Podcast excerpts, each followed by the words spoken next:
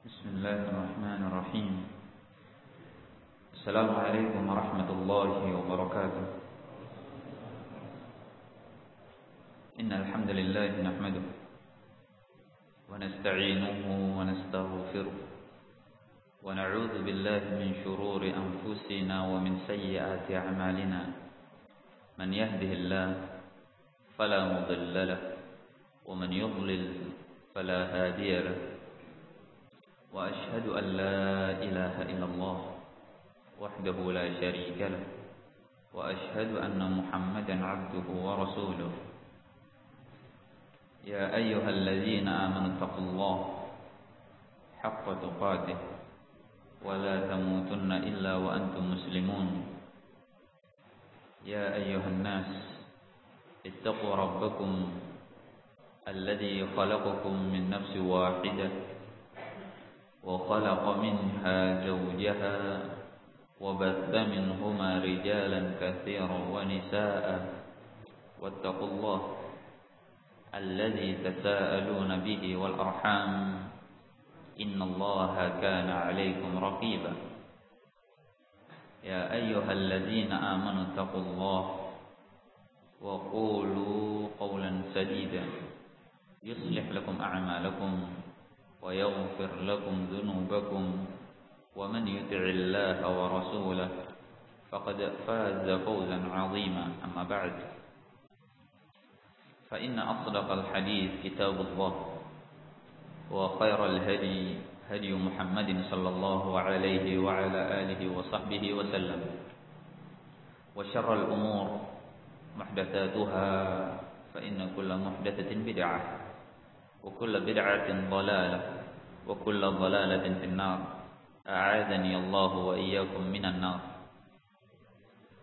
معاشر المسلمين والمسلمات رحمني ورحمكم الله جميعا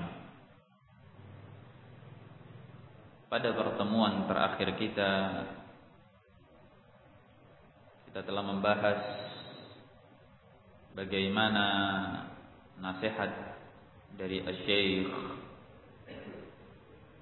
yang mulia dan beliau adalah seorang mufti dahulu di Mamlakah Al-Arabiyah. Salah satu dari mufti yang ada di sana yaitu Syekh Al-Alim Al-Faqih Muhammad bin Salih Al-Utsaimin rahimahullah taala yang beliau menasihatkan kepada segenap para penuntut ilmu agar mereka apabila telah mengetahui kondisi dirinya dirinya adalah seorang penuntut ilmu maka hendaknya memperhatikan tiga hal. Yang pertama adalah dia perhatikan caranya dalam berdakwah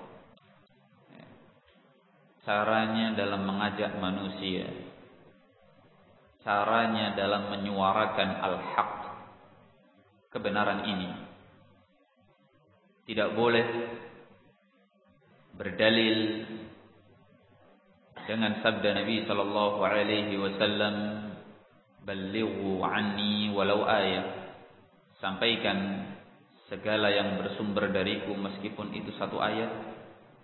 Kemudian dia tidak memperhatikan apa yang disampaikan dalam kondisi dia sedang mengajak sedang berdakwah menyeru kepada al-haq maka poin yang harus diperhatikan yang pertama adalah benar-benar yakin bahwasanya apa yang akan disampaikan bersumber dari Al-Quran dan hadis-hadis yang sahih dengan pemahaman salaful ummah.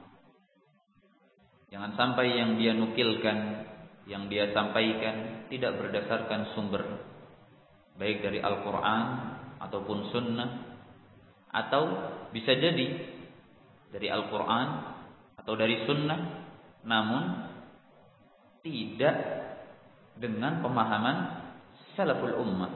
Ya. Dalilnya ada. Yang diucapkan dalil, tapi tidak pernah diterapkan hal demikian oleh para salafus saleh. Ini juga tidak benar. Ini yang pertama yang harus diperhatikan. Yang kedua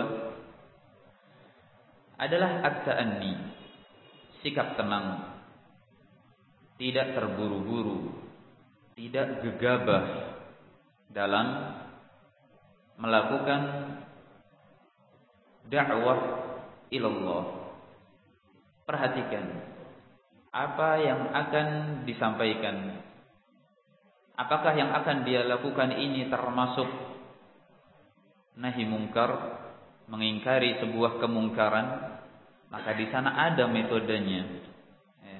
Ingkari kemungkaran tersebut agar hilang dengan tangan apabila memiliki kekuatan kalau tidak memiliki kekuatan pangkat atau kedudukan tertentu, ingkari, hilangkan kemungkaran tersebut dengan lisannya. Ya. Ketika dia mampu menyuarakan al-haq tersebut dan suaranya tentu didengar. Bukan suara yang kemudian akan menimbulkan kejelekan yang jauh lebih besar Apabila dia tidak mampu dengan lisannya, maka kata Rasulullah sallallahu alaihi hilangkan kemungkaran tersebut pada dirinya sendiri. Dengan apa? Dengan hatinya. Mungkin dia tidak bisa menghilangkan kemungkaran yang terjadi di tengah-tengah masyarakatnya. Minimalnya dirinya tidak terkenai kemungkaran tadi. Ini yang paling minim. Wadzalika iman. Dan itu adalah iman yang paling lemah. Semuanya terpuji. Tidak perlu disaling menyalahkan kata Rasulullah SAW. Ini kalau babnya mengingkari kemungkaran seorang ahlu sunnah. Akan tetapi kalau ternyata yang akan dia lakukan adalah mengajak manusia untuk mengenal agama Islam mengajak mereka agar sama-sama mengenal sunnah Nabi Muhammad sallallahu alaihi wasallam. Maka pun metodenya telah diajarkan. Allah Subhanahu wa taala berfirman, "Ud'u ila sabili rabbik bil hikmah wal mau'izah hasanah wajadilhum billati hiya ahsan." Panggil mereka, ajak mereka dengan cara yang santun, yang hikmah. Bukan dengan urat syaraf atau dengan urat-urat yang ada di leher bil hikmah. Kalau ternyata engkau mampu melakukannya, lakukan dengan mau'izah al-hasanah. Al-mau'izah al-hasanah, nasihat yang baik. Kalau ternyata nanti di sana ada sebuah pertanyaan ataupun gesekan perdebatan atau diskusi, hendaknya jadilhum billati hiya ahsan diskusilah, berdebatlah dengan cara yang jauh lebih baik dari caranya. Dari cara si pendebat dengan cara yang jauh lebih baik, bukan semakin emosi. Ya. Bukan semakin emosi ketika mendapat kritikan seorang ahlu sunnah ataupun seorang dai, teguran ya, dari orang awam misalnya, bukan semakin marah menerangkannya, tapi harus menggunakan metode yang jauh lebih baik dengan dibanding cara orang tadi. Ini metode dalam berdakwah. Ini makna ketenangan yang dimaksud oleh Syekh Muhammad bin Salih Al-Utsaimin. Yang ketiga seorang ahlu sunnah dalam berdakwah jangan sampai terburu-buru. Apa makna terburu-buru? Artinya dia tidak pandai-pandai menyikapi permasalahan yang ada di tengah-tengah kaumnya. Apabila seseorang ingin bertanya kepada dirinya pada suatu permasalahan, ternyata jawabannya terlalu panjang, terlalu melebar. Ya.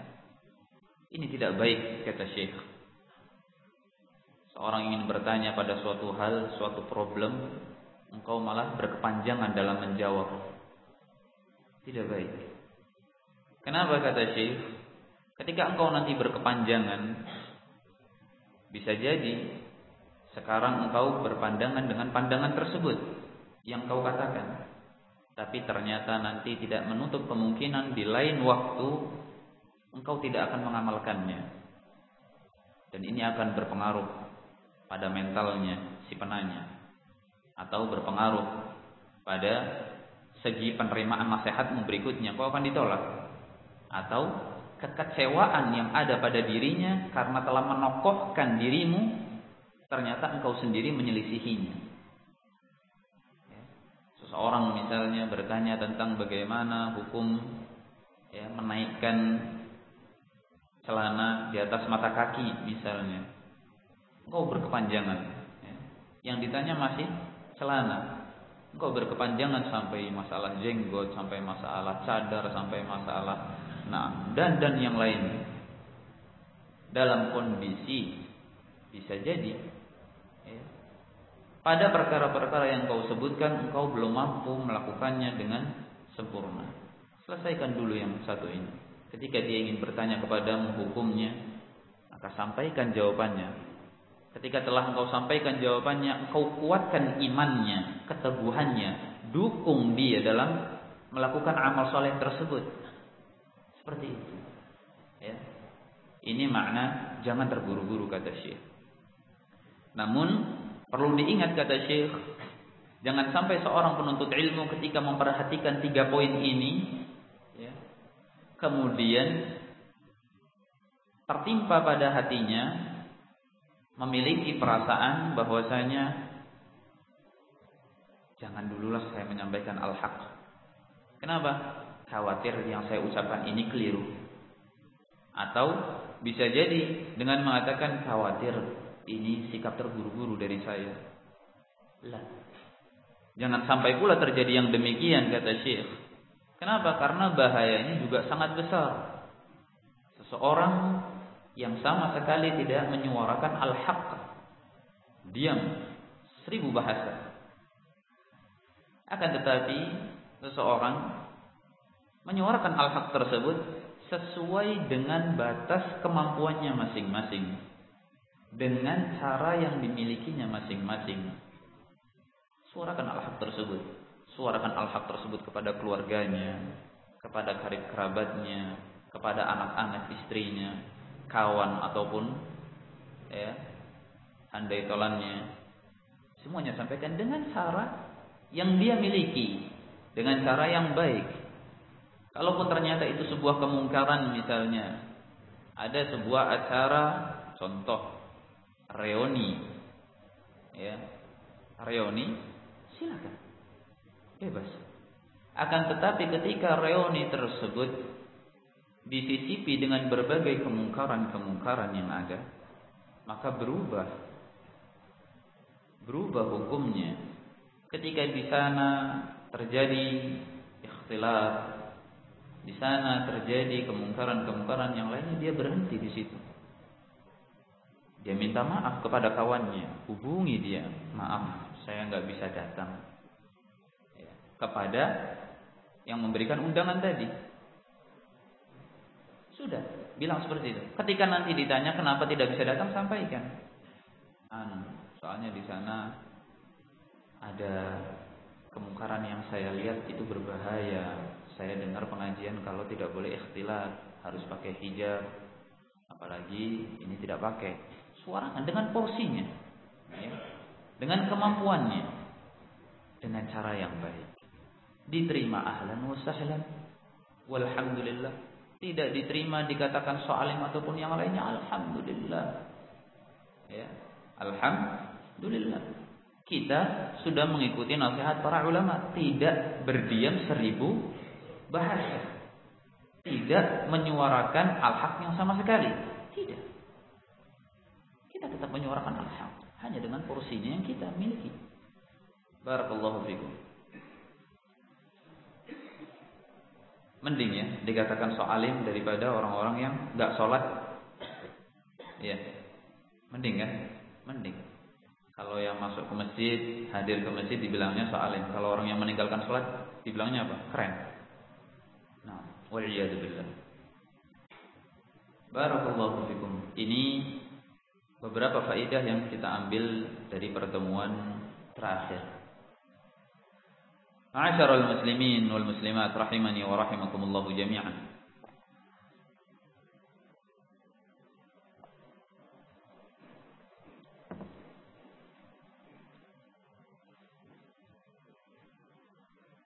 Sedikit demi sedikit perlu anak sampaikan bahwasanya alhamdulillah beberapa waktu yang lalu ana menghadiri dua kajian dari kajian-kajian ahlu sunnah yang ada di masjid ini, Masjid An-Nur. Yaitu yang pertama apa yang disampaikan oleh Ustaz Abdul Hakam At-Tamimi Hafizahullah Ta'ala wa ra'ah Dan juga kajian berikutnya yang disampaikan oleh Ustaz Usama bin Faisal Mahri LC Hafizahullah Ta'ala dan semoga Allah Subhanahu wa taala terus menjaga semua asatidzah ahlu sunnah di mana mereka berada. Kajian dari kedua asatidzah ini benar-benar menyentuh hati kami pribadi. Yang mana kajiannya adalah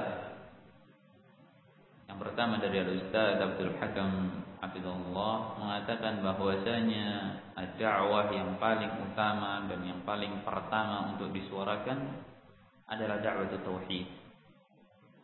Menyerukan tauhid kepada Allah Subhanahu wa taala. Kemudian tidak berbeda jauh dengan apa yang disampaikan oleh Al-Ustaz Usama bin Faisal Mahri hafizahullah taala. Di antara makna ihdinas siratal mustaqim. Minta kepada Allah tunjukilah kami kepada siratal mustaqim. Para salaf di antaranya para sahabat mentafsirkan ai jalannya Allah dan Rasulnya. Jalan jalannya Allah dan Rasul. Ini adalah jalan yang lurus. Kemudian beliau berpanjang lebar sampai pada perkara-perkara yang mengisyaratkan kepada gambaran-gambaran jalan yang lurus seperti apa. Dan bahayanya apabila mereka tidak mengikuti jalannya Allah dan jalannya Rasul. Nah. Ma'asyiral muslimin rahimani wa rahimakumullah jami'an. Kami di sini dalam rangka firman Allah Subhanahu wa taala Wa amma bi ni'mati rabbika fahaddits. Dan adapun dengan nikmat Rabbmu maka ceritakan nikmat tersebut. Dalam rangka hal ini menceritakan nikmat Allah Subhanahu wa taala. Dan juga Allah Subhanahu wa taala ketika menyuruh kaum mukminin ya ayyuhalladzina amanu udzkuru ni'matallah Wahai orang-orang yang beriman, ingatlah nikmat Allah. Idh kuntum a'da'an fa'alafa baina qulubikum fasbahtum bi ni'matihi ikhwana wa kuntum 'ala syafa hufratin minan nar fa'anqadhakum minha. Ya. Wahai kaum mukminin, ingatlah kalian kepada nikmat Allah yang mana dahulu kalian hati-hatinya berselisih sebelum datangnya Islam. Kemudian kami satukan hati-hati kalian. Padahal sebelumnya kalian berada pada tepi jurang neraka. Tinggal masuknya saja. Sebelum datangnya Islam, kalian sudah ada di tepi neraka. Semuanya tinggal jatuh dan masuk ke dalam neraka. Tidak ada yang selamat. Fa'anqadhakum minha. Maka dia Allah Subhanahu wa taala menyelamatkan kalian semua darinya. Dan juga firman Allah Subhanahu wa taala ketika mengisahkan ucapan Nabi Musa alaihi salam وإذ قال الله يا موسى وإذ قال الله موسى لقومه اذكروا نعمة الله عليكم إذ أنجاكم من آل فرعون يسومونكم سوء العذاب ويذبحون أبناءكم ويستحيون نساءكم وفي ذلك بلاء من ربكم عظيم Dan ketika Musa mengatakan kepada kaumnya, Wahai kaum, ingatlah nikmat Allah kepada kalian. Ingatlah ketika dahulu kalian senantiasa disiksa oleh para pengikut Firaun dengan siksaan yang sangat pedih. Dan semua anak-anak lelaki kalian disembelih. Dibiarkan hidup anak-anak perempuan kalian dan ini berlangsung sekian tahun lamanya. Wa fi dzalikum bala' rabbikum. Dan itu adalah ujian yang besar dari Rabb kalian. Allah selamatkan kalian dari kondisi tersebut. Maka kami ingin mengingatkan bahwasanya kita ma'asyaral muslimin wal muslimat rahimani wa rahimakumullah. Kami masuk ke dalam masjid ini untuk mengadakan kajian rutin di setiap hari Senin. Kajian yang pertama kali kita sampaikan adalah Alkitab Al-Usul Sittah. Enam pondasi pertama yang harus dipegangi oleh ahli sunnah. Poin yang pertama yang kita sampaikan adalah apa? Al-ikhlas. Kita sampaikan apa itu ikhlas kita sampaikan mengapa disebut dengan ikhlas. Al-ikhlas tidak hanya bersih, tapi juga murni. Ya. Ini gelas dapat air, terdapat air yang bersih, belum tentu murni. Ya. Barakallahu fikum. Tapi ikhlas menggabungkan dua hal, kebersihan dan kemurnian. Bersih dari kemaksiatan kepada Allah dan murni akan ketauhidannya tanpa dikotori dengan kesyirikan. Ini makna al-ikhlas. Kita sampaikan karena ini makna tauhid. Walhamdulillah. Pertama kali yang kita serukan adalah at-tauhid. Di sana kita kenal apa itu al-ikhlas, bagaimana contoh-contoh al-ikhlas dan bahayanya seseorang yang tidak ikhlas pada pertemuan-pertemuan yang lalu tahun 2015. Kemudian berjalan waktu kita masuk ke dalam kitab Ad-Durusul Muhimmah li'amatil ummah, kumpulan pelajaran-pelajaran penting untuk segenap manusia. Perkara pertama yang disampaikan dan dinasihatkan oleh Syekh Abdul Aziz bin Abdullah bin Baz adalah seseorang hendaknya mengetahui Al-Qur'anul Karim. Ya, ini yang paling dasar. Minimalnya dari surat Al-Fatihah, kemudian surat pendeknya mulai dari Az-Zalzalah sampai surat An-Nas. Apa yang kita buka pertama kali dari surat Al-Fatihah? At-Tauhid. Ya Surat Al-Fatihah terkumpul di dalamnya tiga tauhid secara langsung. Yang pertama kalimat Bismillahirrahmanirrahim dengan nama Allah yang Maha Ar-Rahman dan Maha Rahim. Maha Pemurah lagi Maha Pengasih. Irhamkallah. Apa itu Ar-Rahman? Apa itu Ar-Rahim? Maknanya sama-sama menyayangi, tapi kenapa dibedakan? Allah itu Rahman, tapi belum tentu rahim kepada siapa saja. Allah itu Rahman, pemurah ya. Memberikan kemurahannya ya, kebaikannya kepada semua makhluknya. Semua makhluknya diberikan kebaikan-kebaikan oleh Allah Subhanahu wa taala, tidak terlepas orang kafir. Semuanya diberikan kemurahan Allah Subhanahu wa taala. Tapi tidak semua makhluk dikasihi oleh Allah Subhanahu wa taala hanya kaum mukminin wa kana bil mu'minina rahima dan dia Allah hanya kepada kaum mukminin saja yang dia sayangi. Ar-Rahman dan Ar-Rahim. Tauhid apa ini asma wa sifat. Ya. Tauhid asma wa sifat. Kita lanjut kepada ayat berikutnya. Alhamdulillahi Rabbil Alamin. Segala puji hanya milik Rabb semesta alam. Kita jelaskan apa itu Rabb. Terkandung padanya tiga makna pencipta, pemberi rizki dan pengatur alam.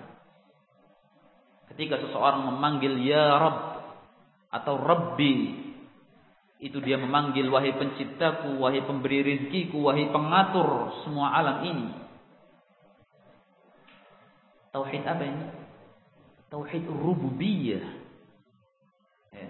Tauhid ar-rububiyah yang menjelaskan tentang keesaan Allah Subhanahu wa taala dalam semua tindak tanduknya.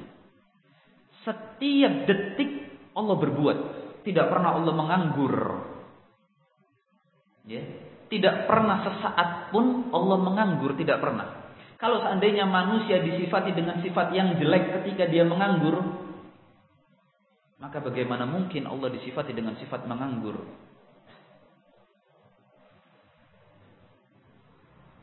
Kulla yawmin huwa fi sya'n, kata Allah Subhanahu wa taala. Setiap hari dia banyak urusannya. yakni Allah Subhanahu wa taala. Kulla yawm, setiap hari. Tidak pernah diam Allah Subhanahu wa taala. Diatur semuanya oleh Allah Subhanahu wa taala. Bukan duduk manis. Tidak melakukan apa pun, tidak. Allah terus menciptakan Alladhi khalaqal wal. Yang menciptakan kematian dan kehidupan siapa?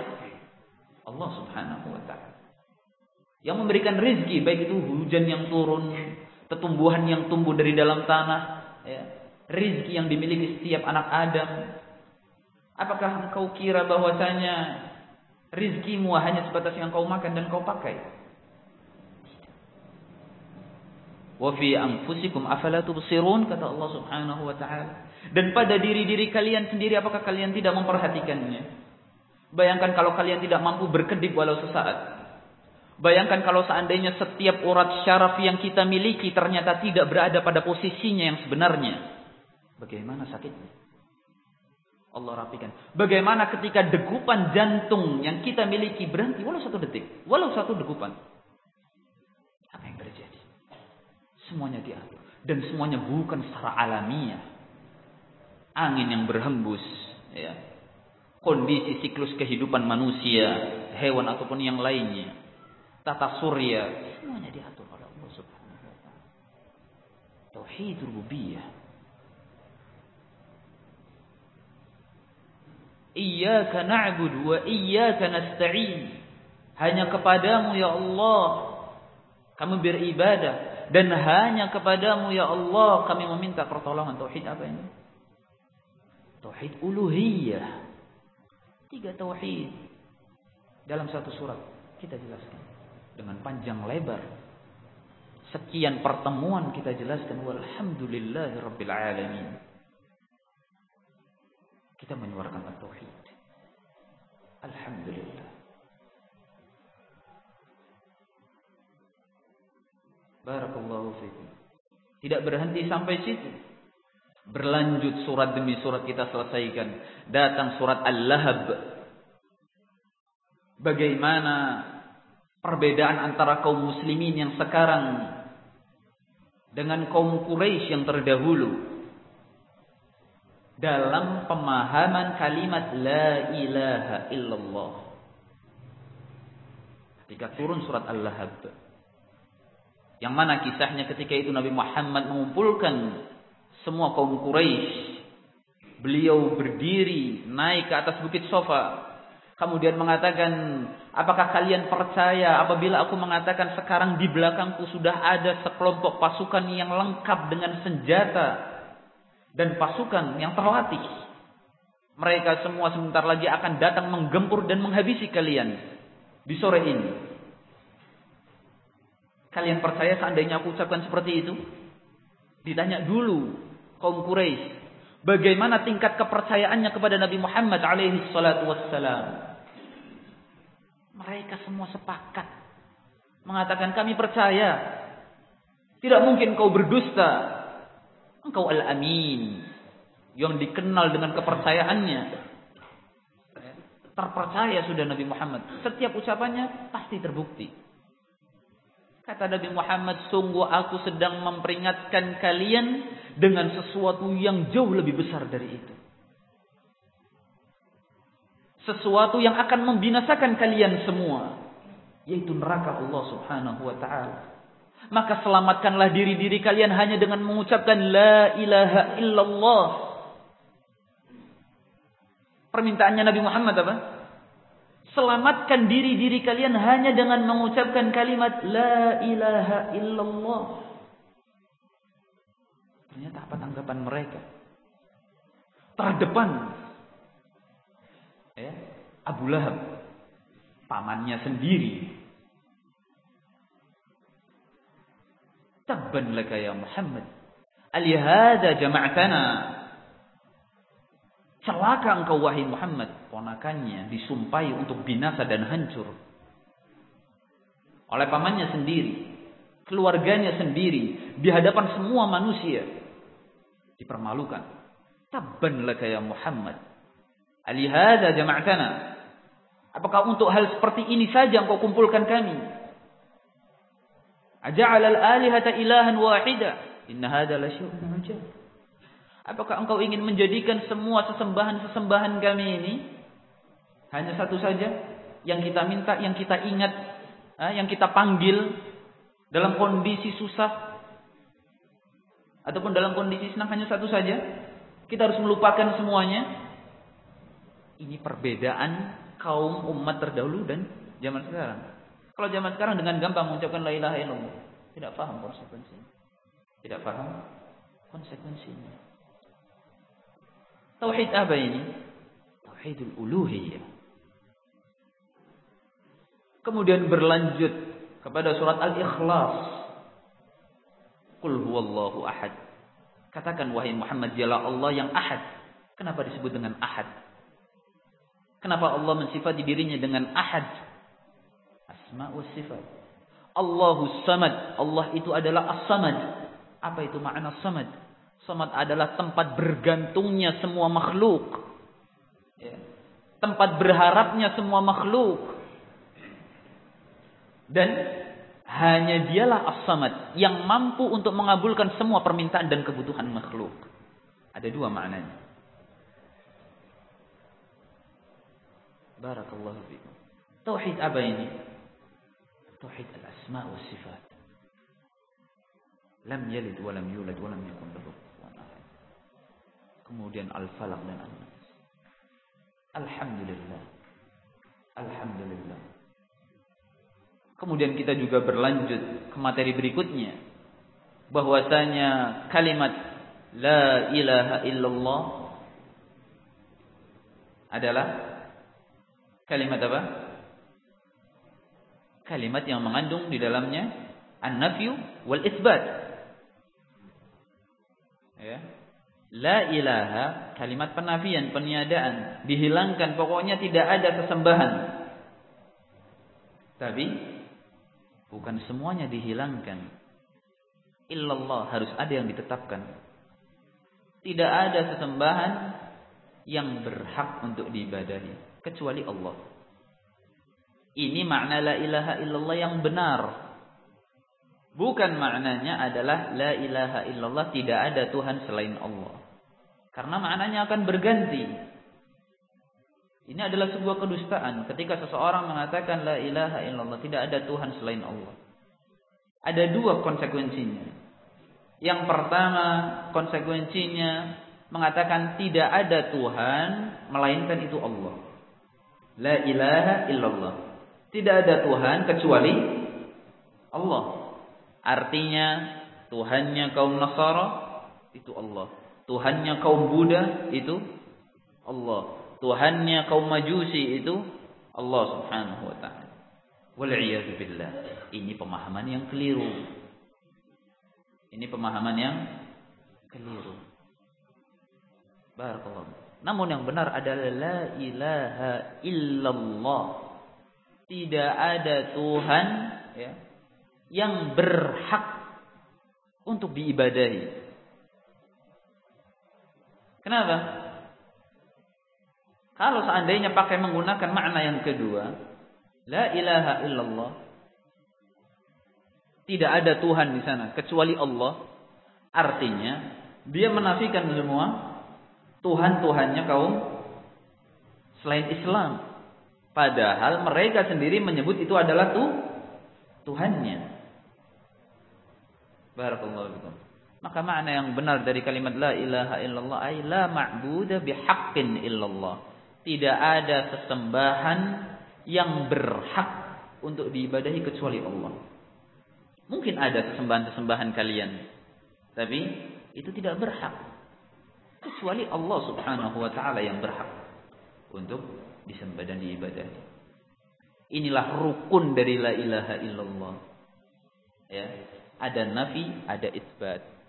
Ada peniadaan dan ada penetapan. Ini pula tauhid yang kita tanamkan ketika mengkaji surat Al-Kafirun. Tauhid ini, an-nafi wal isbat adalah tauhid yang ketika kita kaji di dalam surat Al-Kafirun. Apa bunyinya? Qul ya ayyuhal kafirun, la a'budu ma ta'budun, wa la antum 'abiduna ma a'bud, wa la ana 'abidun ma 'abadtum, wa la antum 'abiduna ma a'bud. Lakum dinukum waliyadin. Wahai orang-orang kafir, aku tidak akan menyembah sesembahan kalian dan kalian pun tidak akan pernah menyembah sesembahanku. Dan sekali-kali aku tidak akan mau ke depannya menyembah sesembahan kalian dan ke depannya pun kalian tidak akan mungkin mau menyembah sesembahanku. Maka lakum dinukum waliyadin. Untuk kalian agama kalian dan untukku agamaku.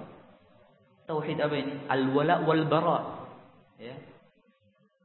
Dimasukkan di dalam tauhidul uluhiyah. Apa itu al-wala al-bara? Al-wala adalah sikap loyalitas. Sikap membela, mendukung, mencintai. Ya. Tidak boleh dukungan, kecintaan ya, diberikan kepada kaum kafir. Akan tetapi dukungan dan kecintaan harus diberikan kepada kaum muslimin. Ini sudah paten hukumnya. Jangan terbalik. Ketika sama kaum muslimin dia bara berlepas diri, tidak suka menjelek-jelekkan ya, kaum muslimin dijelek-jelekkan. Saudi itu demikian dan demikian. La haula wala quwwata illa billah. Kalau untuk menjelekkan nomor satu, terdepan. Ya. Kalau untuk menjelekkan kaum mukminin, kaum muslimin, dijelekkan sampai habis, dikupas. Tapi untuk kaum kafir, wala. Ya. Kaum kafir itu sedemikian. Sama kaum muslimin, nih harat katanya Syekh Utsaimin.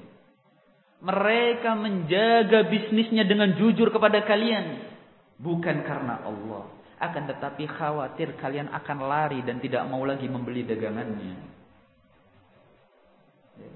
Mereka menjaga keindahannya bukan karena mereka ingin meningkatkan keimanannya.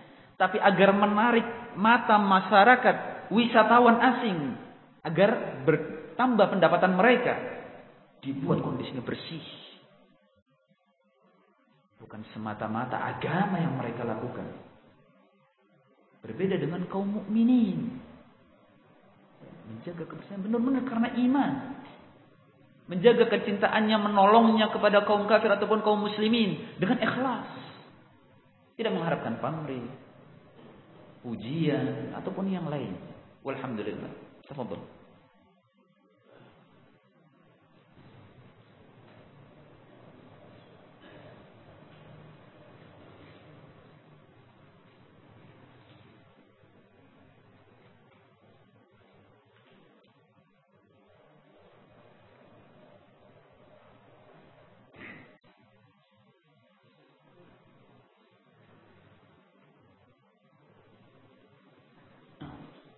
Nah. Demikianlah makna yang terkandung di dalam surat Al-Kafirun. Al-wala wal bara. Sikap berloyalitas, memberi dukungan, memberikan kecintaan itu ditujukan untuk kaum mukminin. Sedangkan al-bara ya, mengarahkan mata kebencian, permusuhan ya. Kemudian membentengi diri, berlepas diri, itu ditujukan kepada kaum kafir. Jangan mengarahkan pandangan-pandangan kebencian kepada kaum mukminin. Tapi kalau sama kaum kafir dirangkul sedemikian rupa, diajak makan bareng, ya. Kenapa? Langganan bisnis. Temannya ini yang nganterin madu setiap hari nggak pernah diajak. Yang anterin habatus sauda ini nggak pernah. Barakallahu Jangan seperti itu.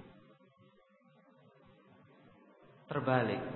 Kata Rasulullah SAW, boleh bermuamalah dengan kaum kafir, tapi jangan berikan hatimu kepadanya. Ya. Bermuamalah dengan raga, bukan dengan hati. Kalau dengan kaum mukminin, berikan raga dan hatimu. Ini kalau kepada kaum mukminin. La yu'minu ahadukum hatta yuhibba li akhihi ma yuhibbu li nafsihi. Tidak beriman seseorang ya, yang tidak mencintai pada saudaranya perkara-perkara ya, pada kecintaan yang dia sendiri suka apabila hal itu ada pada dirinya. Dia suka kalau dirinya jadi orang kaya. Melihat saudaranya nggak seneng kalau dia kaya. Dia suka kalau dapat faidah. Tapi ngelihat saudaranya dapat faidah, nggak suka. Nah, ini berbahaya seperti ini. La yu'min. Terjadi tidak? Dia tidak mau kalau dibohongi dalam perdagangannya. Tapi untuk orang lain, dia berani berbohong. Yang penting dapat faidah. Terjadi tidak? Terjadi. La yu'min. Bahaya. Ketika sikap tersebut ya memiliki al-wala war ya, sikap loyal, pembelaan, kecintaan, dukungan tidak diberikan kepada kaum mukminin. Ini berbahaya. Dan ini adalah tauhid al-uluhiyah. Kalau engkau mentauhidkan Allah, maka lakukanlah al-wala wal bara yang benar. Dukung, cintai kaum mukminin. Ya. Dan jangan dukung kaum kafir. Jangan dicintai kaum kafir. Jadi tenang. Barakallahu fikum. Ma'asyaral muslimin rahimani wa rahimakumullahu jami'an. Adapun ketika ana beralih kepada kitab-kitab yang lainnya, kepada materi-materi yang lainnya yang bersifat insidentil karena bertepatan dengan momen-momen tertentu, entah itu di bulan suci Ramadan ataupun di bulan Dzulhijjah ataupun kejadian-kejadian yang lainnya. Dalam rangka kita ingin mengenalkan agama kepada kaum muslimin. At-tauhid bahrun la sa'ilalah. At-tauhid Tauhid mentauhidkan Allah itu adalah samudra luas yang tidak bertepi. Kalau mau dibahas enggak cukup. Kalau mau dibahas ada tauhid rububiyah, ada tauhidul uluhiyah, ada tauhidul asma wa sifat. Bahkan Al-Syeikh Muhammad bin Abdul Wahab rahimahullah taala sendiri mengatakan wa man amarallahu Allah bihi at-tauhid. Perkara terbesar yang Allah perintahkan kepada kita adalah tauhid. Eh. Wa wa anwa'ul ibadah allati amarallahu biha mithl islam wal iman wal ihsan والدعاء والخوف والرجاء والتوكل والخشية والإنابة والرغبة والرهبة والاستعانة والاستعاذة والاستغاثة والذبح والنذر وغير ذلك من أنواع العبادة التي أمر الله بها كلها لله Kata Syekh Muhammad bin Abdul Wahab, ini kitab dasar. Di kitab Salasatul Usul. Tiga prinsip utama sebelum mempelajari al-usul sittah. Mengapa anda langsung masuk ke usul sittah? Karena alhamdulillah di masjid ini telah belajar kitab salah satu usul bersama ustaz kita Ustaz Abdul Samad. Hafizahullah taala wa ra'ah. Namun tidak semua orang ya mungkin semua orang pernah belajar kitab salah satu usul namun tidak semua orang memahami dan meresapi kandungan maknanya. Syekh Muhammad bin Abdul Wahhab rahimahullah taala mengatakan bahwasanya perkara tauhid adalah perkara yang paling besar dalam semua aspek kehidupan manusia. Dalam segi ibadah saja kata Syekh ada ibadah, ada muamalah hidup kita di dunia. Ya, ada akhlak. Ada wasiat dan yang lainnya. Kata Syekh, dalam aspek ibadah saja anwa'ul ibadah allati amarallahu biha yang Allah perintahkan semuanya itu harus ada tauhidnya.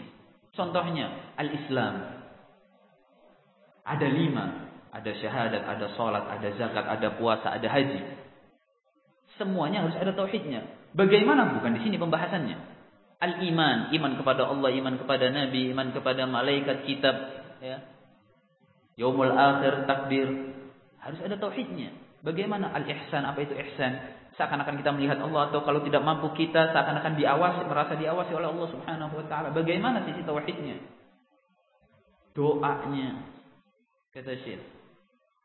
Ya, isti'anahnya minta tolongnya, istighatsahnya, cara menyembelihnya, cara bernazarnya, menanamkan rasa takut, menanamkan rasa harap, kecemasan, ketergantungan. Ya, kemudian rasa antusias, sikap taubat, sikap kembali kepada Allah, dan lain sebagainya kata Syekh. Masih banyak perkara-perkara ibadah yang belum bisa disebutkan di dalam kitab tersebut. Masih banyak. Bahrun la sa'ilalah. Samudra yang tidak bertepi. Kulluha kata Syekh, semuanya itu harus diberikan kepada Allah Subhanahu wa taala. Lillah. Tauhid. Dalilnya apa? Wa annal masajida lillah. Fala tad'u ma'allahi ahada. Kata Allah Subhanahu wa taala dan sesungguhnya atau dan bahwasanya al-masajid itu miliknya Allah. Maka jangan engkau berdoa kepada Allah kemudian berdoa kepada yang lainnya. Al-masajid itu maknanya ada dua. Yang pertama masajid yang artinya rumah-rumah Allah. Masjid-masjid Allah. Jangan ya kata Allah Subhanahu wa taala dan bahwasanya masjid-masjid ini adalah rumah-rumahnya Allah Subhanahu wa taala. Maka jangan engkau minta kepada Allah tapi juga engkau ingat kepada yang lainnya. Sesembahan yang lainnya, mantra-mantra, jima-jima, tempat-tempat keramat ataupun yang lainnya. Jangan. Atau yang kedua, Makna masajid adalah anggota-anggota yang engkau gunakan untuk sujud. Semua anggota-anggota tubuh ini, kepalamu, wajahmu, kedua telapak tanganmu, lututmu, kakimu, dan semua jari jemarimu. Semuanya ini milik Allah, bukan milik kita. Semuanya nanti akan dikembalikan kepada Allah. Matamu, bibirmu, lisanmu. Semuanya engkau gunakan untuk sujud. Barakallahu. Kau baca kalimat-kalimat Allah di dalam sujudmu. Kulluha lillah. Maka jangan pergunakan anggota-anggota tersebut kata Allah Subhanahu wa taala untuk engkau berdoa kepada Allah kemudian di saat yang lain engkau berdoa kepada selainnya. Lah, jangan. Barakallahu fikum. Ini kalimat yang disampaikan oleh Syekh Muhammad bin Abdul Wahab rahimahullah. Pun karena atas dasar itulah yakni atas nasihat dari Syekh Muhammad bin Abdul Wahhab ketika ana membahas masalah fadail siyam, fadail syahr Ramadan ataupun keutamaan-keutamaan haji dan yang lainnya. Ana lakukan demikian ini dalam rangka mengikuti nasihat beliau. Syekh Muhammad bin Abdul Wahhab. Mengapa? Kata Syekh, yajibu alaina ta'allumu hadhihi al-masail ats-tsalat wal 'amalu bihinna. Wajib untuk kita semua mempelajari tiga perkara ini dan beramal mengamalkannya. Apa itu? Ma'rifatullah. Mengenal Allah dengan sebaik-baiknya, yaitu tauhid. Dan tidak mungkin disebutkan secara panjang lebar. Di sini makamnya. Ataupun ma'rifah nabiyihi, mengenal Nabi Muhammad sallallahu alaihi wasallam sebutkan sejarahnya dari awal sampai akhir. Tidak mungkin pula di sini disebutkan. Wa ma'rifatu dinil Islam bil adillah. Mengenal apa itu agama Islam. Mengenal apa itu agama Islam beserta dengan dalil-dalilnya. Jangan sampai seseorang ketika melakukan suatu ibadah kepada Allah Subhanahu wa taala kemudian tidak faham. Ya. Bagaimana salatnya, apa yang diharuskan dia lakukan di dalam salatnya atau puasanya, apa keutamaannya dan lain sebagainya. Kekhawatiran-kekhawatiran ini anak sampaikan ma'asyiral muslimin wal muslimat rahimani wa rahimakumullah agar jangan sampai sebahagian dari kita menganggap bahwasanya kita tidak pernah mempelajari tauhid. agar jangan sampai ada seseorang yang meyakini bahwasanya di masjid ini tidak pernah dikaji kajian tauhid dan bahwasanya pematerinya tidak pernah menyampaikan tauhid. La ma'asyiral muslimin rahimani wa rahimakumullah. At-tauhid awwal ma qulna. At-tauhid, perkara tauhid adalah perkara pertama yang kita sampaikan. Adapun kita beralih kepada pembahasan-pembahasan yang lainnya dalam rangka mengenalkan agama Islam. Dan ini nasihat dari Syekh Muhammad bin Abdul Wahab. Seseorang mengenali agamanya. Apa itu Islamnya, apa itu sholatnya, apa itu puasanya, apa itu zakatnya. Ya. Apa itu hajinya. Disampaikan. Karena ini adalah pertanyaan yang nanti akan diajukan oleh kedua malaikat di dalam kubur seseorang. Man Rabbu? Siapa Rabbmu? Kau tidak akan mampu menjawabnya ketika engkau tidak mengenal tauhidmu dengan benar. Man nabiyuk? Siapa nabimu? Engkau tidak mungkin akan mengatakan Nabi Muhammad ketika engkau tidak mengetahui bagaimana sosok nabimu, bagaimana karakter dari nabimu, dan apa kesukaannya, apa yang dia benci, apa yang dia himbau dan apa yang dia larang. jujur sebagian besar kaum muslimin ya jauh lebih mengenal kepada idola-idolanya dibandingkan nabinya sendiri. Ya. Ini jangan dipungkiri. Sebahagian kaum muslimin mampu bahkan menyebutkan dia sekian kali menikah, ya. Dia memiliki anak yang namanya fulan dan fulan. Tanya Nabi Muhammad. Siapa anaknya? Siapa anaknya Nabi Muhammad? Yang dia tahu Fatimah. Selesai.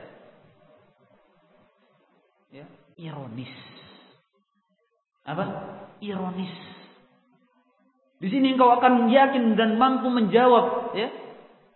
Yakin bahwasanya saya mampu menjawab nanti di, ketika ditanya oleh malaikat siapa nabimu Nabi Muhammad? Ayuhal muslim. Tabassar. Wahai muslim, Buka pikiranmu. Introspeksi diri. Ketika nanti malaikat akan menanyakan madinuk, apa agamamu? Mampukah engkau akan mengatakan agamamu Islam dalam kondisi engkau tidak mengetahui sedikit pun dalam Islam? Perkara-perkara ibadahmu, keutamaan-keutamaan yang ada di dalamnya? Ya muslim, ihfad lisanak. Wahai muslim, jaga lisanmu. Jangan sampai terucap ya, dari lisan-lisan kita ucapan yang demikian. Bahwasanya di masjid ini tidak pernah dikaji tauhid, bahwasanya pematerinya tidak pernah mengajarkan tauhid, tidak pernah mengenalkan tauhid. La. Ma'asyiral dan ana yakin dan ana berani jamin pemateri-pemateri yang lain yang juga mengisi di masjid ini pun ya, mengajarkan tauhid. Hanya saja fa amma bi ni'mati rabbika fahaddits. Dengan nikmat Rabbmu itu hendaknya engkau ceritakan kenikmatannya. Kalau seandainya kenikmatan yang sedikit ini yang dirasa sedikit padahal ini banyak yang telah kita sampaikan. Kalau memang ini dikatakan sedikit ya. Kita katakan seseorang yang tidak pernah mensyukuri sedikitnya nikmat, dia tidak akan mungkin mampu mensyukuri nikmat yang jauh lebih banyak. Ketika dia melupakan kenikmatan ini, maka dia pasti akan melupakan kenikmatan yang jauh lebih banyak ketika dia mendapatkan. Masyarul muslimin wal muslimat rahimani wa rahimakumullah. Ushkuru rabbakum. Hendaknya kita semua mensyukuri Rabb kita. Alhamdulillah Pertama kali yang kita kenal adalah tauhid kepada Allah Subhanahu wa taala. Wal 'amalu bihinna. Hendaknya kita mengamalkan semua apa yang kita pelajari dari perkara-perkara tauhid, perkara-perkara Islam yang kita kaji. Ilahuna dan insyaallah pada pertemuan yang akan datang kita ingin melengkapi uh, at-tauhid tapi berkaitan dengan syurut la ilaha illallah. Berkaitan dengan apa? Syurut la ilaha illallah. Syarat-syarat La ilaha illallah. Kita telah mengetahui apa itu ikhlas, kita mengetahui apa itu syirik, kita mengetahui apa itu tauhid rububiyah, tauhidul asma wa sifat, tauhidul uluhiyah. Kita tahu rukunnya la ilaha illallah ada dua, ada nafi dan isbat. Sekarang atau pelajaran yang akan datang, kita akan mengenal apa itu syarat la ilaha illallah.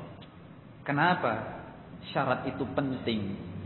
Seseorang ketika mengucapkan la ilaha illallah Apakah hanya dengan mengucapkan kalimat ini saja dia memegang kunci surga atau hanya dengan mengucapkan kalimat ini saja seseorang dijamin pasti akan masuk surga?